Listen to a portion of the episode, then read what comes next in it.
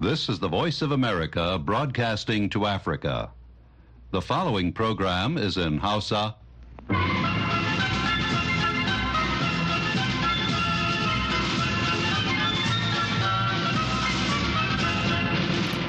Sashen Hausa na murya Amurka ke magana daga nan birnin Washington DC.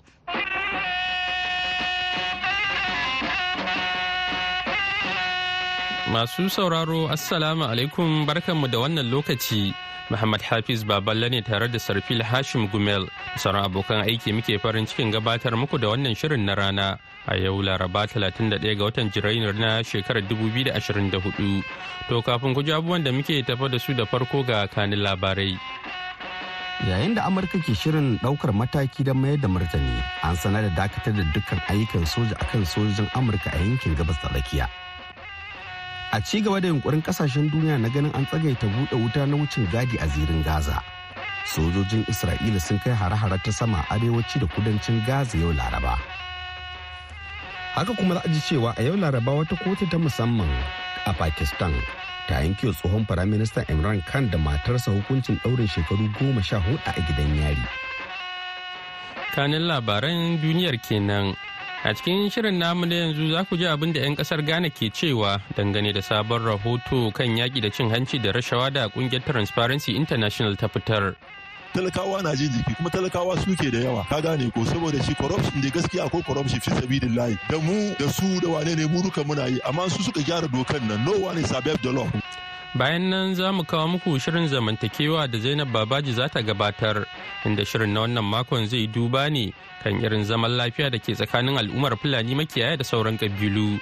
Amma kafin nan sai a gyara zama a sha labaran duniya kashi na farko.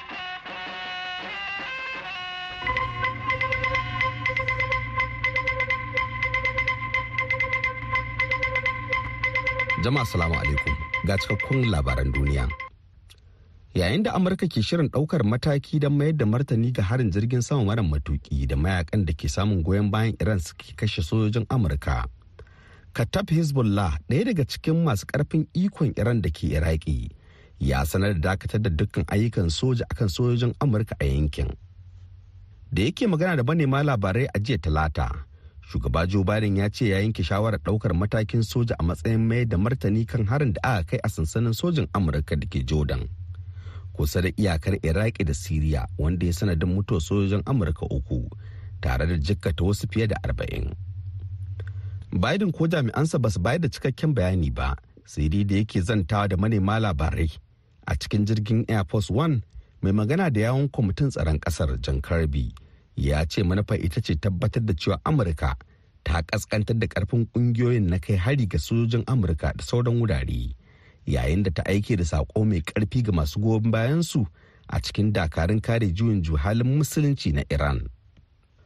A ci gaba da yunkurin ƙasashen duniya na ganin an tsagaita buɗe wuta na wucin gadi a zirin gaza sojojin isra'ila sun kai hare-hare ta sama arewaci da kudancin gaza a yau laraba. Hare-haren na isra'ila sun hada da birnin gaza inda sojojin suka ce sun kuma kashe 'yan ta'adda a wani sumami ta ƙasa. A kan yunis babban birnin da ke kudancin gaza shaidu sun ba da rahoton kazaman fada bayan ga wasu hare-hare ta sama. Ma'aikatar lafiya ta hamas da ke gaza ta ce adadin mutanen da aka kashe a hare isra'ila ya kai dubu ashirin da shida ɗari tara. Ma'aikatar lafiya ta hamas da ke gaza ta ce adadin mutanen da aka kashe a haren isra'ila ya kai dubu ashirin da shida ɗari tara adadin da ya hada da fararen hula da 'yan bindiga. Ana sa ran shugaban hamas ismail haniya zai je birnin alkahira domin tattauna kan kudirin tsagaita buɗe wuta da zai hada da dakatar da yaƙi a gaza da kuma sako mutanen da hamas ke garkuwa da su. A ɗaya ɓangaren kuma yau laraba mayaƙan hutu na yaman sun ce sun harba makamai masu linzami kan wani jirgin ruwan yaƙin amurka a tekun bahar maliya kuma sun shirya ci gaba da kai farmaki kan jiragen ruwan amurka da na birtaniya. To madalla kafin ku ji ƙarashin labaran za mu fara kawo muku rahotonmu na farko. Kungiyar ƙasa da ƙasa mai fafutukar yaƙi da cin hanci da rashawa ta Transparency International ta fitar da rahotonta na shekarar 2023 inda ta ayyana ƙasar Ghana a matsayin ƙasar da bata samu ci gaba ba a ƙoƙarinta na yaƙi da cin hanci da rashawa. ƙungiyar ta danganta matsalar da rauni ta ɓangaren shari'a a ƙasar masu ruwa da tsaki na buƙatar gwamnati ta ƙarfafa matakai musamman dokar ayyana kadarori ko kuma ƙasar ta dada gazawa a wannan fanni wakilin hamza adam na ɗauke da karin bayani a cikin wannan rahoton da ya haɗu mana daga kumasi. Taɓarɓarewar harkokin shari'a a ƙasar ke kan gaba cikin dalilan da suka sanya ƙasar ghana cikin halin koma baya a ƙoƙarin da take yi wajen yaki da cin hanci da rashawa. A cewar rahoton ƙungiyar transparency international na shekarar 2023 rahoton ya kuma kara da cewa ghana ta samu sifiri a karo na kudu a jere a yaki da cin hanci da rashawa bisa ga kididdigar da ake na cin hanci da rashawa ta corruption perception index ta shekarar 2023 da ƙungiyar ta fitar. Ghana ta samu maki 43 daga cikin maki 100 kuma ta kasance ta 70 daga cikin ƙasashe 180 da ke ƙunshi a cikin kididdigar ta bara. In ji ƙungiyar matsalan cin hanci da rashawa na ɗaya daga cikin abubuwan da ke sanya koma baya a tattalin arziki na ƙasar Ghana kuma barazana ce ga makomar tattalin arzikin ƙasar har in gwamnati bata ɗau matakai ba. In ji masanin tattalin arziki Dr. Najib Ibn Hassan. Kudin da aka kawo cikin za a yi gina hanya, hospital, school da ruwa da light za kawo ne a yi don talaka samu su sauƙi. She mutane biyu ko uku ko suka da suka zo sata wannan kuɗin idan sun hana wa'anga mutane bayan Allah tun kasa shaƙatawa kenan. So shi zai kawo problem. Na biyu kuma ya kawo kuma kin sadan kaya. Duk wanda zai zo cikin kasa kamar wasu za zo cikin Africa suna rubin kasan da corruption shi ke kasa ne. To in corruption ya ji sama in ya ji sama ba zuwa cikin kasan mu. Bi ma'ana kamar ba a invest cikin kasan mu. Bi ma'ana ba za mu samu aikin mu yi ba.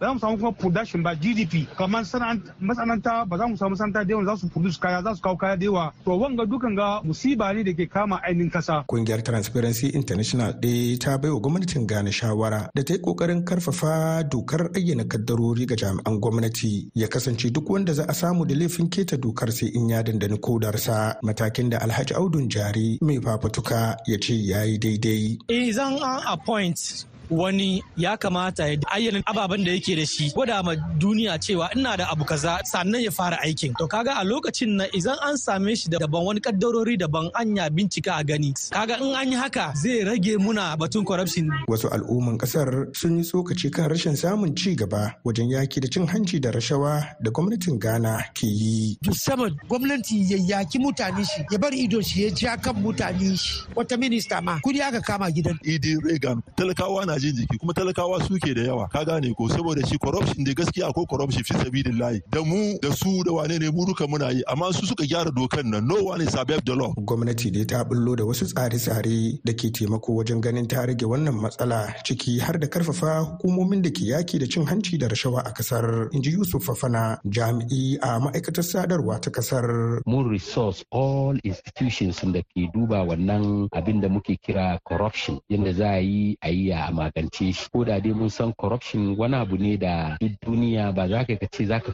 da shi wurin san ba amma za ka yi ka kokanta ka yi yadda za ka yi ka da shi ko dai ka bari ya yi sauƙi a kasanka. Ghana na hatsarin kimanin biliyan uku na dalin Amurka a kowace shekara sakamakon matsala ta cin hanci da rashawa wato kuɗaɗen da suka kai tallafin da ƙasar ta buƙaci gun asusun ba da lamunin kasa da kasa ta International Monetary Fund domin shawo kan matsala na taɓarɓarewar tattalin arzikin da take fama da shi. Masana na har in ta ƙarfafa matakan shawo kan wannan matsala to za ta samu ci gaba ta fannin tattalin arzikin ta Hamza Adam muryar Amurka daga Kumasi, Ghana.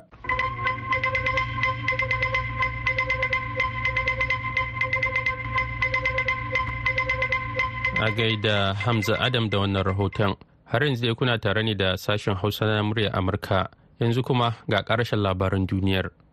Yau Laraba wata kotun tarayya ta musamman a Pakistan ta yanke tsohon firaministan Imran Khan da matarsa hukuncin ɗaurin shekaru goma sha huɗu a gidan yari bisa zargin cin hanci da rashawa. Khan mai shekaru 71 da uwar gidansa Bushara Bibi an zarge su da riƙewa da kuma sayar da kyautattukan gwamnati ba bisa ƙa'ida ba da suka da kayan ado da agogo da gwamnatin Saudiya.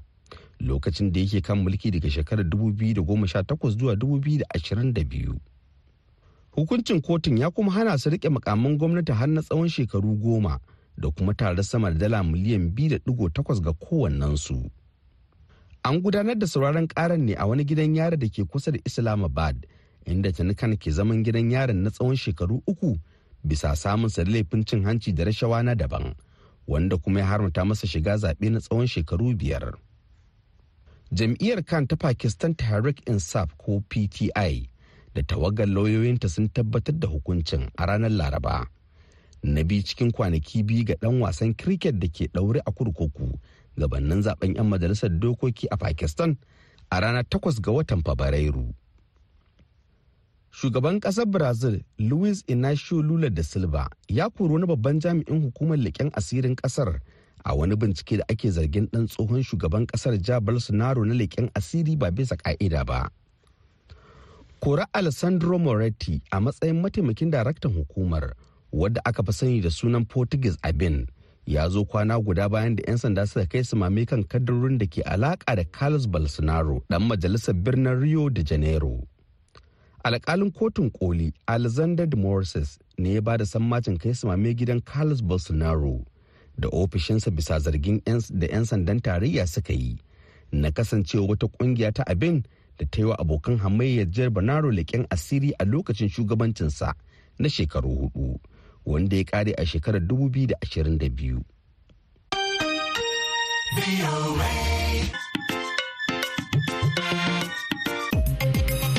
Labaran duniya aka saurara daga nan sashen Hausa na murya Amurka a birnin Washington DC.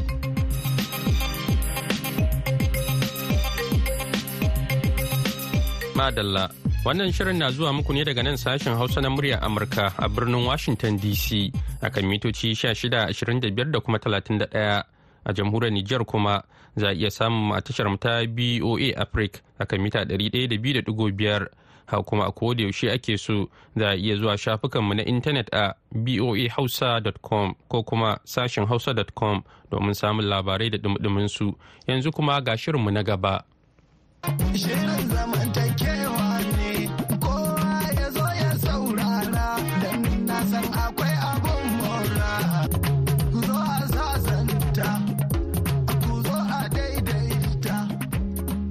Masu sauraro barkanmu da warhaka. sannunmu da sake saduwa a shirin zamantakewa. Shirin zamantakewa zai riƙa tattaunawa ne da masu ruwa da tsakiya harkar zaman lafiya, musamman al'umma da ke da bambancin addini, kabila, jinsi da sauransu domin samun haɗin kai da ci gaban ƙasa. Zaman lafiya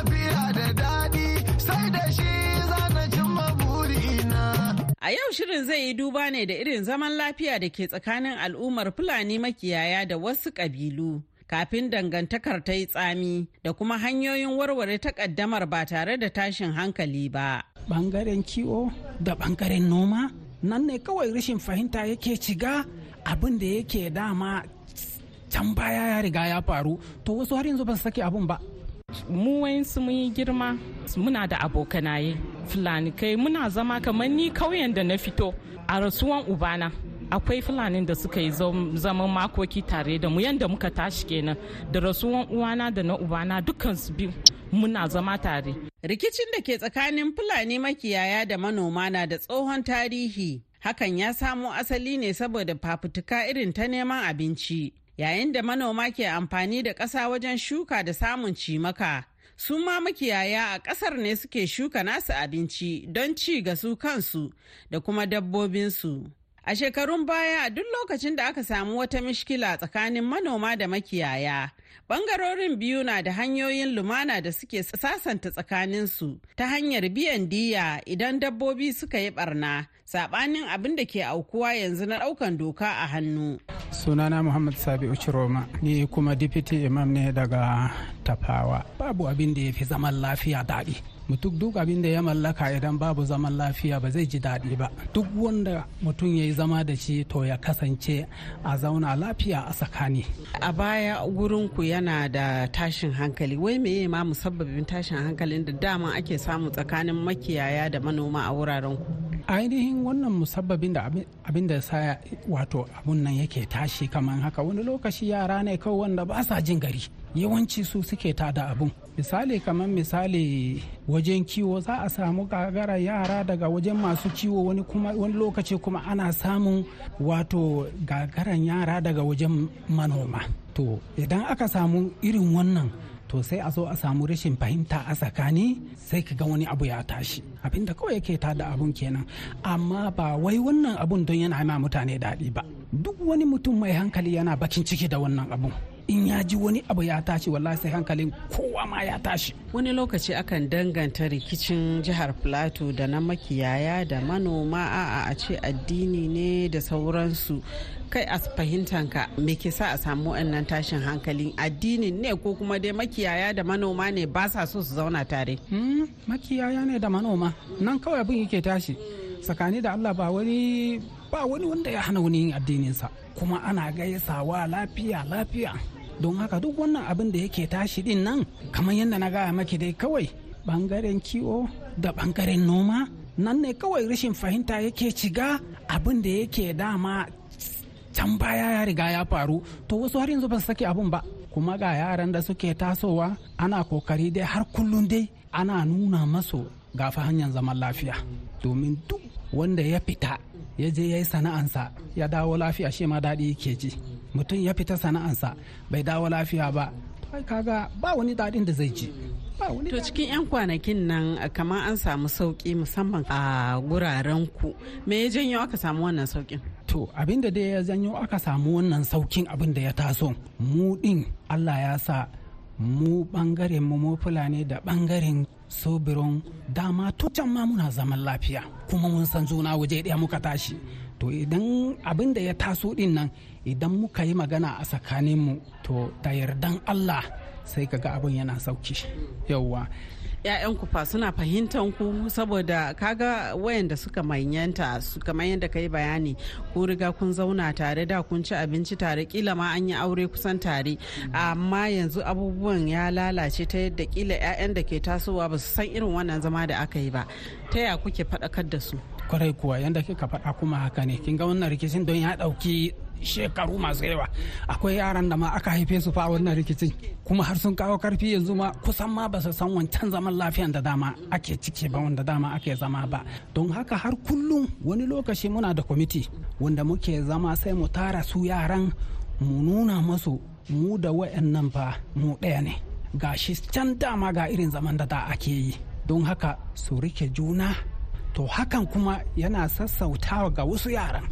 Hakan yana sassauta sosai ga wasu yaran. Kenan yaran ku suna fahimtar juna tsakanin su kila da yake birom a wurin yaran fulani a wurin suna fahimtar juna tsakanin su da yaran birom. A ce ko suna ziyartar juna suna wani hulɗa tare a lokacin sallah ko kuma lokacin bikin suna ko aure kuna zuwa domin ku taya juna murna ko kuma lokacin rasuwa ma a ce an je nuna alhini? Kwarai kuwa.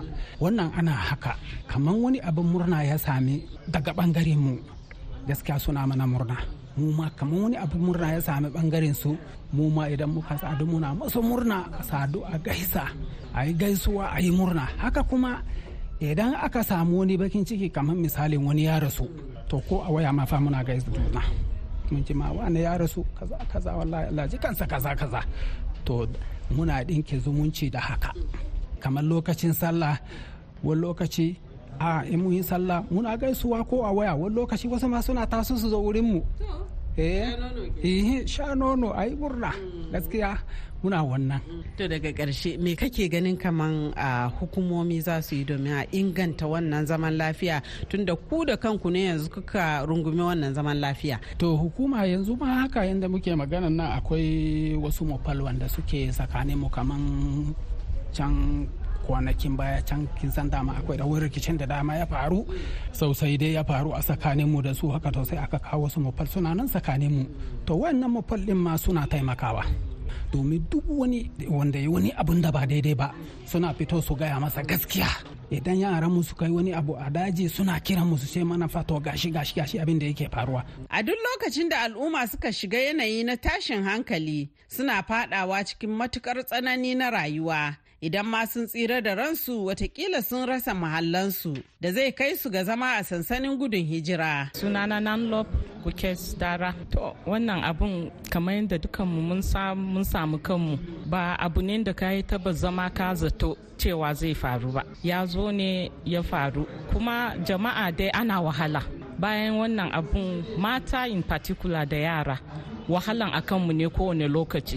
Wahala kuma ga sanyin jos yanzu sai a ce mace suna waje da yara kwana waje ba daɗi abin bai daɗi ba ya sa wahala. With this economic hardship sai wahalan ya dada karuwa. To addu'an mu kullum shine Allah ya kawo mana saukin wannan kamin wannan abin ya faru yaya dangantakan ku da fulani? Personally in zai yi magana mu wayansu mun yi girma we have friends muna da abokanaye. Fulani. Kai muna zama kamar ni kauyen da na fito. A rasuwan ubana akwai fulanin da suka yi zaman makoki tare da mu. Yadda muka tashi kenan da rasuwan uwana da na ubana dukkan su biyu muna zama tare. Amma wannan abin da ya taso kuna ganin ba mu ma ganin juna yanzu don mu wayansu mu kauyukan ma babu. Namu babu nasu ma babu. Ba mu san inda juna muke ba. Gaba wuraren an rurrushe wuraren. To kin gani ba wani zamantaka kuma yanzu su suna can mu muna can ba san me ke faruwa kuma ba. Ba daɗin zama zama bai yi daɗi kuma ba gaskiya. Kamar fili kenan yanzu ya kasance a wurin ba kowa wurin? Ba kowa wurin. To amma kuna haɗuwa da juna wayanda kuka tashi tare? A'a ba haɗuwa. Saboda su kin san abun nan akwai masu kyau akwai mummuna. Gasken shine yanzu ba mu san ko ina ne. Ni ban san ina suka je ba su ma yanzu kila ba su san ina mu muke ba. Saboda guduwan rai ne. Kowa ya yi hanyar shi ne. Ba mu haɗuwa kuma. Abinda mutane za su sani yanzu wannan guri da dukan ku kun watse fulani sun watse ku kabilun wurin kun watse. Me ke faruwa a wurin? To kaman gefen washna da larkas da kwambulin wajajen kin san yana nan da boundary da gindiri da can ta su generate akan ce akan ce ni ba na zuwan wurin bayawa akan ce su suna zuwa su yi grazing su kawo shanikansu a yi don mutanen mu ba a zuwan wurin. Su suna nan kusa da wurin don su ba su yi nisa da wurin ba. So sukan zo da shanikansu akwai rafi ma. Suna zuwa su sha ruwa suna zuwa su yi grazing su shanikai su ci abinci a can an juma da yamma su tafi. Amma gona kan ba a yi gona ba ba yi gona a wurin ba. So mu ba sa zuwan wurin. Kira ga kamar ya za a kawo ƙarshen wannan rikici ne da ya ɗauki shekaru ana ta fama kuma ana ganin kamar abin da bai kamata a ce ya kai wannan lokaci ba ne. Gashi ya ɗauki shekaru me kike ganin kamar ya kamata a yi domin a kawo ƙarshen wannan rikicin da ake samu? To a nawa ganewan in muka gaya wa juna gaskiya. Gaskiya ta fi komai. Menene gaskiyan? Gaskiyan shine wayanda suke sani an san wayanda suke fara abin nan. Ba wanda suka tashi da safe wayan su kabilun ba. Taba tashiwa da safe a ce je mu kore wayan nan ba. Akwai wayanda an sani gaskiya. Yau ke kina da ɗakin san yaron kin nan da dare baya gida yana zuwa neman sokana. In kika gaya ma yaro ɗanki gaskiya ka nasu ka daina wannan abun. In ya ji ki ya daina za a yi zaman lafiya da wayancan. Amma inda in yau yaron ki ya je yi abu ya da kika ɓoye shi kina faman cewa a'a ba shi ba kin gan bara samu zaman lafiya ba. Ni addu'an shine mu fada wa juna gaskiya. In mu ne masu damuwa su fada. Amma at the end of it mu samo inda za mu zo mu gaya wa juna gaskiya. A yi zaman tare a koma zama kamar na da. Mu koma mu yi zaman sulhu da juna. Bayan da mu za mu zauna da abincin mu ba mu ci nama ba. Bayan da su kuma za su ci nama ba abinci. So ya kamata a yi zaman tare. Addu'an mu kenan. Wai wani rana abubuwan nan duka plateau za su kare. To yanzu kuma ga shawarwari da za su inganta zamantakewar mu. Sunana da Sambo Chalom, Sarkin Dorowa, that's Gomra Tatis. Gaskiya matakan da muke doka na farko shine mukan kira duka addinai shugabaninsu da su shugabannin matasa har da na mata ma sai mu zauna kamar ni mukan zauna kowane wata so ɗaya sai mu zauna mu tattauna damoyin a wajen zaka ji kowa zai furci damunsa. Idan kuma in an yi barna ne ni nakan kira ciroma sai ce ga inda an yi barna.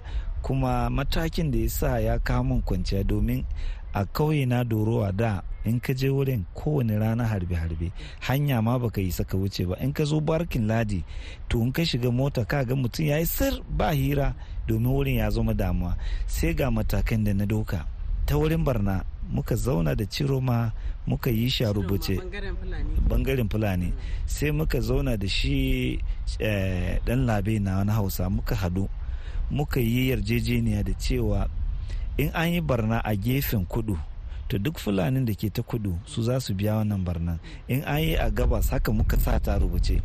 To haka in an yi barna ko sun je sun yi da dare to mun gani sai mun je in kama shugabanni na gefen da aka yi suka ga da sassafe shugabanni su je su bi shanu sai su je su gane domin za su sami shanakan a kwance.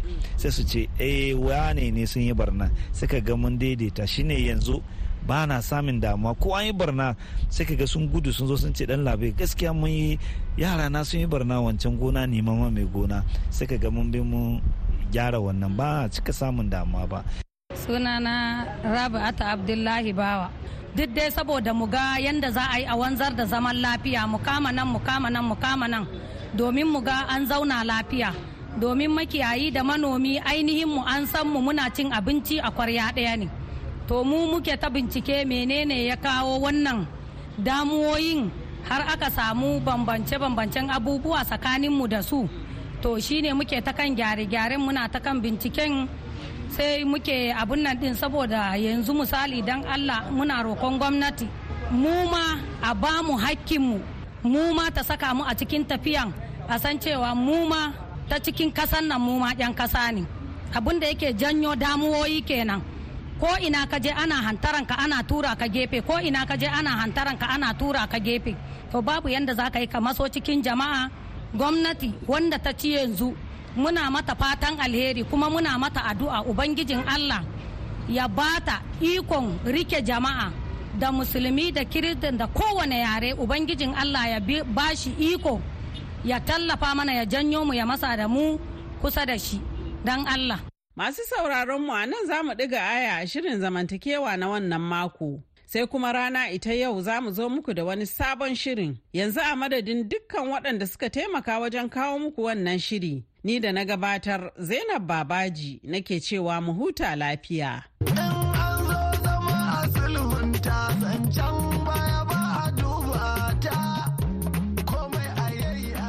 Madalla a gaida zainab babaji. Yanzu kuma ga labaran duniya a taƙaice.